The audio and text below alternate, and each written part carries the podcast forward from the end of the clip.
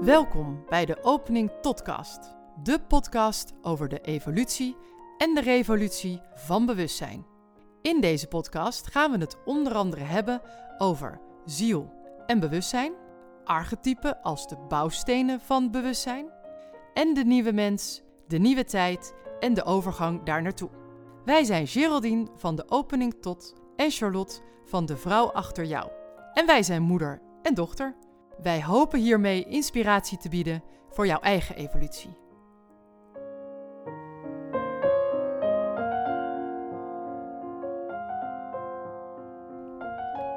Yes, mama. Nou, leuk. Zitten we weer. We hebben even op de klok gewacht tot hij klaar was met... eh, Twee keer twaalf keer bengelen. Ja. bengelen, inderdaad. Ja. En eh, ja, ik vind dat toch altijd ook wel weer een mooi geluid. Toch ook wel weer een geluid van leven, eigenlijk. En dat is toch een deel van waar we het nu vandaag over gaan hebben. Want we gaan het over onze grote vriend Pluto hebben. Eh, en de aflevering heet Planeet Pluto. De energie van transformatie, vernietiging en wederopbouw. Nou, daar zit zowel dat leven ook als de dood in. Klinkt ergens ook wel heftig, hè? Vernietiging.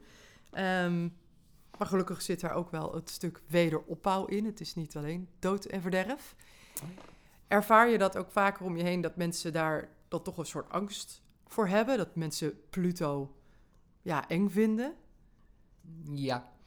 Ja, Pluto heeft voor degenen die zich daarmee bezighouden, maar ja, dan moet je denk ik toch in de astrologische eh, wereld duiken.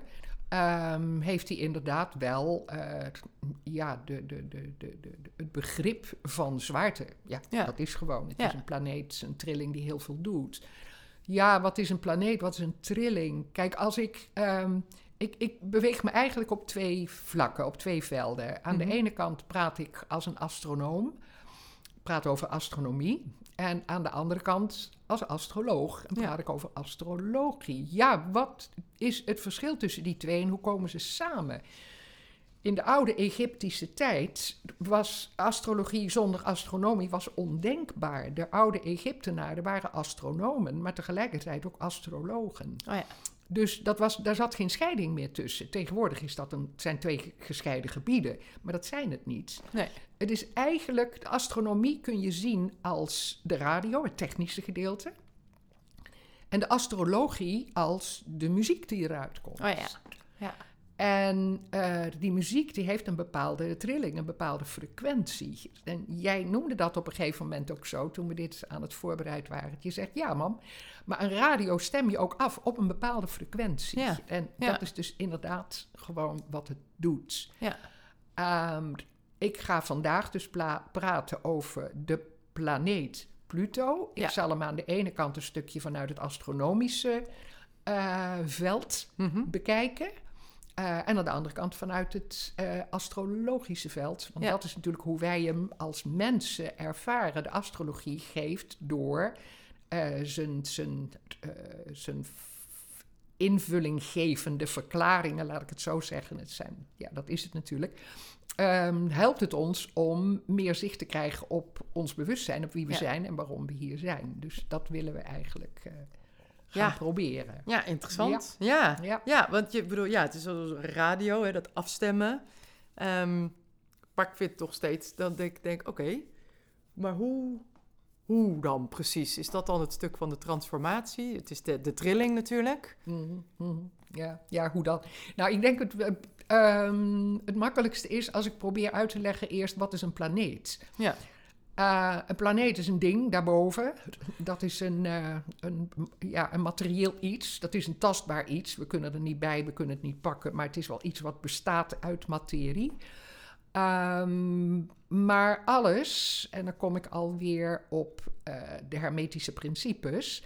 Alles hangt samen, zo boven, zo beneden. Ehm, alles is trilling, alles is frequentie.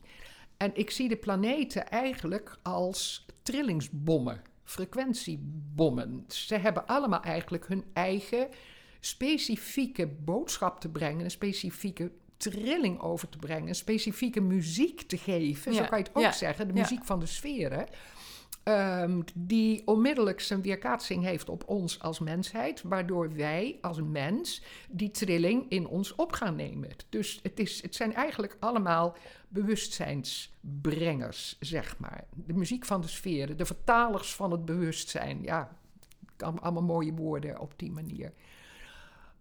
De planeten zijn dus eigenlijk energiecentrales. Ja. En Pluto daarbij is een kerncentrale. Ja, ja. Ja, dat is eigenlijk Ja. zoals die werkt. En daarom is het ehm, ja, dood en verderf natuurlijk, maar ook wederopbouw. Pluto is trouwens, dat is heel interessant, is ontdekt in 1930. Toen werd hij aan, de, aan het firmament werd hij gespot door een, eh, een verrekijker. Ja, zeg maar. ja, ja. Een hele grote Hele verrekijker. speciale, ja. En dat is de tijd waarin de atoombom werd uitgevonden. En waarin de Tweede Wereldoorlog, ja, eigenlijk tussen de twee Ja. wereldoorlogen. Hij staat dus voor ehm, ja, de inhoud van de vorige eeuw. Die eigenlijk getekend wordt door die twee wereldoorlogen. En door het ineenstorten van ehm, ja, de oude waarden van samenleving, van Ehm, van maatschappij, van gezin, van vader, moeder, kind bij elkaar. Al die oude normen die gingen eraan. Ja. En eh, ja, daar zijn wij nu nog steeds mee bezig. Dus Ja. Pluto is inderdaad de kerncentrale, de krachtcentrale van eh, het oude moet weg, zodat het nieuwe geboren kan worden. En dat, eh, in het grote geheel werkt het natuurlijk ook zo. Ja, en werkt nog steeds uit. Ja. Ook al is dat, zitten we nu in een andere tijdperk, is dat nog steeds wel iets ja, wat, maar we eh, zijn er nog niet mee invloed klaar. heeft. We zijn Nee. dus inderdaad, de kracht van Pluto is eh, alles nog steeds aan het wegwerken. Wat dus in de laatste, laten we het maar weer even groot nemen, 26.000 jaar. Ja, Laten we de helft nemen, dat is ook al een heleboel. ja, is nog steeds veel. Ja. Ehm, precies, ehm, waarin we vast zijn komen zitten, dat is Pluto aan het, eh, aan het wegwerken. Ja. En zijn frequentie is inderdaad, ik denk op de eerste plaats, ja, met een enorme intensiteit. Pluto is, is diep.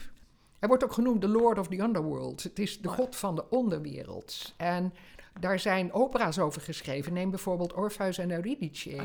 Hè, Eurydice die door de Hades, eh, Pluto, ja. de god van de onderwereld geschaakt wordt, meegenomen wordt. En ehm Orpheus die haar daar vandaan wil halen en die dat ook voor elkaar krijgt na een gesprek met de god van de onderwereld, op belofte dat hij niet terug zal kijken, niet achterom zal kijken als zij hem volgt. Hij kan hieraan geen weerstand bieden en hij doet dat toch, maar na Eurydice dus eigenlijk weer uit zijn bezit verdwijnt en terugvalt in de onderwereld. En dan is ook de overeenkomst dat ze per jaar zes maanden in de bovenwereld mag Oh ja. eh, verblijven en Ja. zes maanden in de onderwereld. En eigenlijk staat dit, deze mythe staat voor de zoektocht naar onszelf, waardoor wij dus in de bovenwereld verder leven, maar op gereden tijden met onze schaduw, onderwereld, Pluto, ehm, geconfronteerd worden om daardoor ja, de, de elementen in ons bewustzijn die aan het licht gebracht willen worden, hè, dus de Jungiaanse schaduwtheorie, zeg maar, ehm, dat we die eh, moeten gaan onderzoeken. We ontkomen. Niemand van ons ontkomt aan de, eh, aan de intensiteit van Pluto om ons te confronteren met datgene wat in ons bewustzijn nog opheldering wil hebben. Dat is eigenlijk dus wat hij, eh, wat hij doet.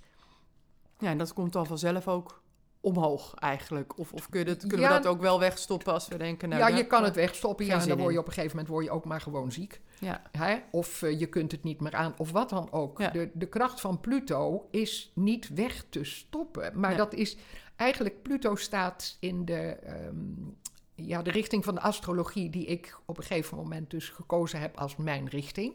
Ik heb een sterk Plutoniaanse invloed in mijn horoscoop. Dus dit is echt wat ik, eh, waar ik me toe aangetrokken voel.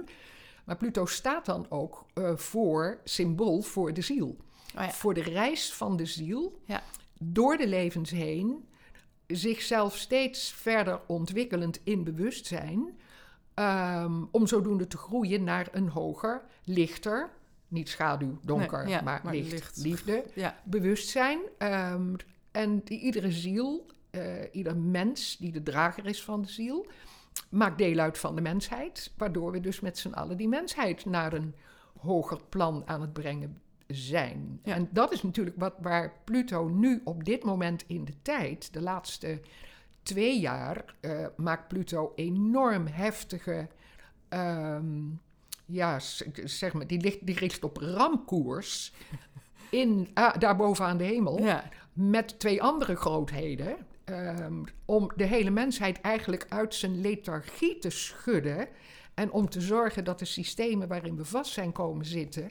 De saturnale patriarchale systemen, waar de volgende aflevering over zal gaan. eh, om die, ehm, ja, het, het hoofd te bieden. Ja. Het, het, het, datgene wat ons eigenlijk vastzet, zal en moet op de een of andere manier achtergelaten worden, afgebroken, Ja. vernietigd. Ja. De hele verkeerde systemen waarin macht eigenlijk en onderdrukking eigenlijk eh, het uitgangspunt is, die kunnen niet meer voortbestaan in de nieuwe energie. nee. Dus Pluto loopt op dit moment door het teken Steenbok heen. Even nog iets anders. Pluto is de, de, voor zover wij tot voor kort dachten, de buitenste planeet van ons zonnestelsel. Ja. Hij doet 248 jaar over een rondje om de zon. Hij is een kuiert er op zo'n gemakje, kuiert hij daarboven door Ja. de dingen heen. En hij staat in ieder teken, zonneteken, wij kennen de zonnetekens en Ja. sterrentekens. In ieder teken staat hij een x aantal jaren. Ja. In sommige wat minder, in andere wat meer. Hij loopt niet een exact rondje, hij noomt een elliptische baan. Mhm. Op dit moment staat hij in het teken Steenbok, wat wil zeggen Pluto. Dood en verderf en transformatie, omvergooien wat niet meer werkt. In het teken Steenbok, de oude patriarchale structuren. Ja. geen wonder dat het gebeurt. Ehm, in 2019, ehm, december 2019, is eigenlijk het begin geweest van onze webinars en van wat nu uiteindelijk Ja. deze podcast wordt, stond Pluto vierkant ehm, Saturnus. Saturnus, de structuur, die stond in het teken Waterman. Toen staat hij trouwens toch nog. Ehm, Waterman is het teken van de rebellie, van het verzet tegen de oude structuren, ook van het omverwerpen, inderdaad. Nou, Pluto dus op ramkoers Ja. met datgene wat ons dus al zo'n 8000 jaar onderdrukt.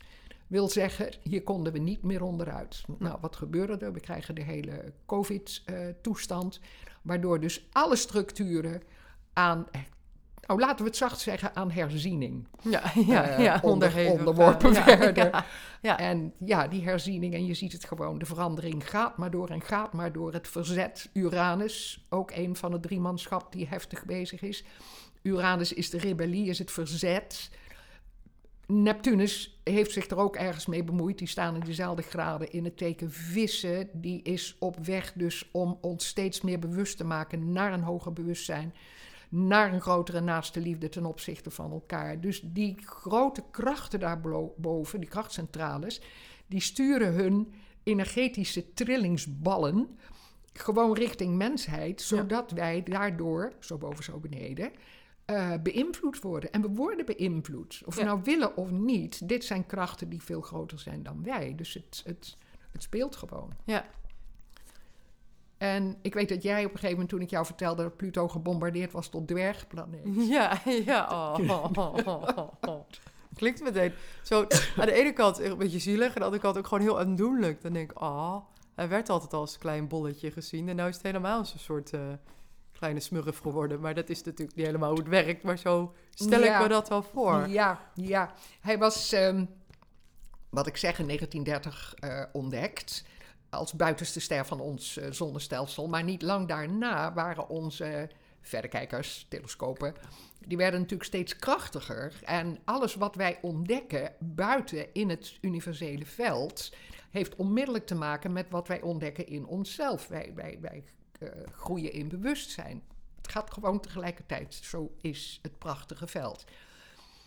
Op dat moment werd in 2005, als ik het goed heb, een nieuwe planeet ontdekt, Eris, die nog eens een keertje veel langzamer kuiert, dus nog ver buiten Pluto, Ja, maar een geweldig grote invloed heeft op het bewustzijn van de ontwikkeling van de mensheid, namelijk de natuurlijke bewustzijn, de Ja. verbinding met de natuur. Ja. Eris is en de, de twist, de, eh, de onvrede die bestaat, omdat wij zo ver van het natuurlijke zijn afgedreven. Nou, daar kwam Eris aan. Eris is kleiner dan Pluto, dacht ik. Nou, in ieder geval zeker niet veel groter, maar dat ben ik even kwijt. Maar goed, dat was weer een planeet. Ja. Die werd al door de astronomen dus Mhm. onmiddellijk eh, bekeken als... is dit de tiende planeet? Ja. Of, maar niet lang daarna was er weer een en weer een en weer een en weer een. oh En in die, ja, het heeft dus de Trans-Neptuniaanse gordel... Ja, eh, de Kuipergordel wordt die ook nog wel genoemd. eh, werd de ene planeet naar de andere gedetecteerd. En toen zat het astronomische gezelschap met een Ja. groot probleem. We kunnen niet ineens 500 meer planeten in ons stelsel zetten. Ik bedoel, nou, 10 redden we misschien nog.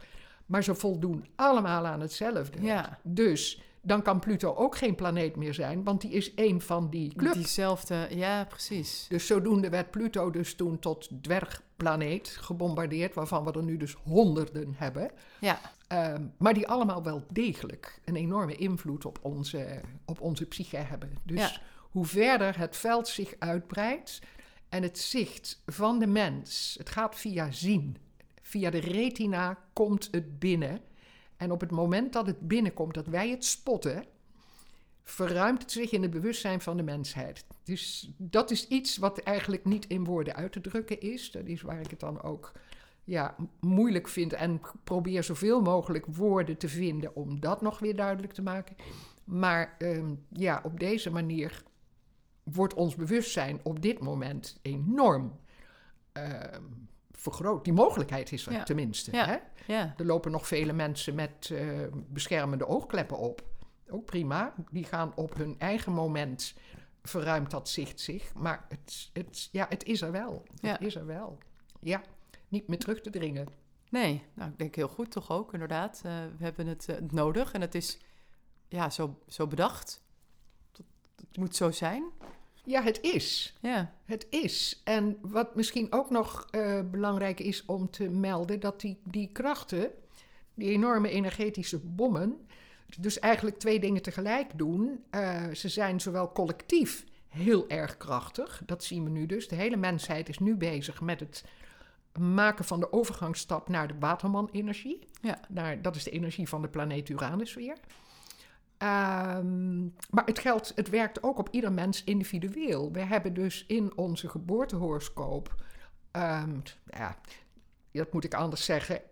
In onze geboortehoroscoop is zichtbaar op welk gebied deze grote krachten ons bewustzijn beïnvloeden. Maar we hebben allemaal ergens in die horoscoop een Pluto staan ja, allemaal, voor ieder van ons, is er een bepaald gebied waarop wij onze schaduw tegenkomen en onze diepste zielsevolutie doormaken. Dat is voor iedereen. Ja. En als iedereen het voor zich doet, dan maakt de mensheid die evolutie in zijn totaliteit Ja. door. ja, omdat dat allemaal natuurlijk eh, impact heeft op hangt elkaar. allemaal Het hangt allemaal Het samen. hangt allemaal samen, zo Eh, boven, zo beneden. Ja, ja, Ja. precies. Dus je Ja. hebt dan dus inderdaad, het is een generatieding, maar binnen een generatie heb je natuurlijk allemaal Ja. eigen individuutjes Ja, die een eh, eigen Pluto hebben. Het zij misschien in hetzelfde teken of dezelfde plek, eh, maar ook zijn eigen invloed, ja, toch? Ja, Ook, zeker eh, in hetzelfde teken, want de generaties, eh, wat ik straks zei, in een teken staat die zo'n 13, 15 jaar, soms iets korter, soms iets langer. Maar de hele generatie, zijn miljarden mensen, Ja, werken aan eenzelfde evolutiethema. Hè? Ik ben bijvoorbeeld van de generatie Pluto in de leeuw, dus in het teken leeuw. Wat wil zeggen dat er ehm, een individualiteit aan het opkomen was. Na wat ik net al meldde, de generaties die de wereldoorlogen hebben meegemaakt, Pluto in de kreeft. eh, waarin het, eh, het, het, het, het thema thuismaatschappij, gezin, werk, eh, geborgenheid, warmte tegenover mentale kilte. Dat waren de thema's die ja, voor die de Pluto toen- in, ja. de, in, de, in de kreeftgeneratie ehm, gewerkt hebben of belangrijk waren. En daarna kwam de Pluto in de Leeuw. Ook de naoorlogse generatie, die is vanaf 1943, 44, dat wiebelt een beetje. Mhm. Maar die kwamen dus, leeuw is de creatieve expressie, om dus een ik-vorm neer te gaan zetten, een nieuwe maatschappij te Ja, creëren. het is ook wel een beetje het wederopbouwstuk. Precies, eh, het is ja. het hele wederopbouwstuk, zeg maar. En eh, nou ja, tot op eh, grote hoogte toe. De Pluto in Leeuw-generatie, die kan er vaak wat van als het gaat om narcisme. En eh, hè, er leeft nog zo iemand in Amerika die we allemaal kennen, die daar een goed voorbeeld van is. Ehm, ja, ieder archetype heeft natuurlijk zijn, zijn, zijn weerklank zijn en zijn plus en ja. zijn minkant, zijn schaduw en zijn lichtkant, laten we het Ja. zo zeggen. Eh, daarna komt de generatie Pluto in de maagd. Leeuw bouwt het feestje, maagd doet de afwas. Dus die komt eigenlijk om ja, een beetje dat, dat, dat, dat overdadig creatieve en dat individualistische van de leeuw, die eigenlijk helemaal niet geënt is op wij samen, maar die denkt ik eerst, ehm, om dat naar een rustiger en meer eh, doe maar gewoon, dan doe je gek genoeg Ja. level te brengen, zeg maar. Ja. En, eh, dus het is heel interessant om te zien hoe de generaties inderdaad hun eigen steentje bijdragen aan de ontwikkeling van, Ja. de, van de mensheid. Ja, en die Ja. dingen zijn natuurlijk nooit zwart-wit. Het is niet van het een op het andere moment. En je zei het wiebelt al. Het is ook nooit, de generatie is ook nooit helemaal exact zoveel jaar. Ehm, ik weet, eh want wij hebben het natuurlijk ook heel vaak over mijn horoscoop, dat, ehm, als ik het nu goed zeg, mijn Pluto in de weegschaal staat. Ja, laatste maar graad. net, ja, precies, Ja. net in zo'n laatste dingetje. Ja. Ehm, kan je dan ook zeggen dat de nieuwe, wat komt daarna dan? Schorpioen.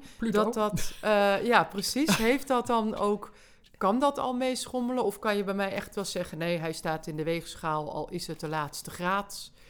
Ja, het generatieteken dus Pluto, jouw, jouw zielsthema heeft inderdaad te maken met via het teken weegschaal jouw zielevolutie doormaken. Maar omdat die al zo dicht tegen het ehm, schorpioen, tegen het volgende teken aanstaat, en dat geldt voor iedereen die ook Ja, in jouw jaar geboren precies, is ja. natuurlijk, ehm, heeft die schorpioen heel vaak al een enorme invloed in de horoscoop. Bij Ja. jou ook, komt, er staat een planeet ook vlak naast en een eindje verderop staan nog een paar belangrijke dingen allemaal in die schorpioen. Dus dat speelt inderdaad ehm, ja, op de achtergrond. Maar er is Ja. een, een soort push en pull. Er is een- het is natuurlijk energie. Ja.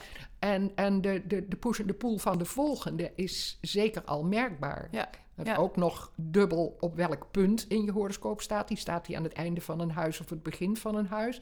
Dat er ook al gewoon het gevoel van het volgende veld al mee binnenkomt. ja. Maar ehm, ja, dus eh, jij hebt hem inderdaad in de laatste graad staan. En jouw Ja. eh, schorpionische aanleg is eh, ook behoorlijk aanwezig. En waarschijnlijk ontmoeten onze zielen elkaar daarin. Want anders zouden we dit niet samen kunnen doen. Ja. Hè? Ik heb ook een enorm grote Pluto-invloed in de horoscoop. Dus ja, het is, het is, het is een aanleg. Natuurlijk, het hoort bij je ziel. Het Ja. hoort bij je, bij je bezieling en bij je passie, zeg maar. Ja, ja, die we Ja. allemaal hebben, inderdaad. We En, allemaal. eh, en, en bij jou ook altijd wel een uitgangspunt, of een beginpunt voor jouw Ja. horoscoopduidingen. Ja, En dat, ja, eh, ja. eh, daarom dus- heb ik ook deze, Ja. deze richting van de astrologie uiteindelijk gevonden. Ja, Dat ik dacht, en ja, nou ben ik thuis, bestemming bereikt. Het gaat over de ziel. Hè, Ja. hè? ja, Daar ging het mij altijd al om. Ja, En dat, ja.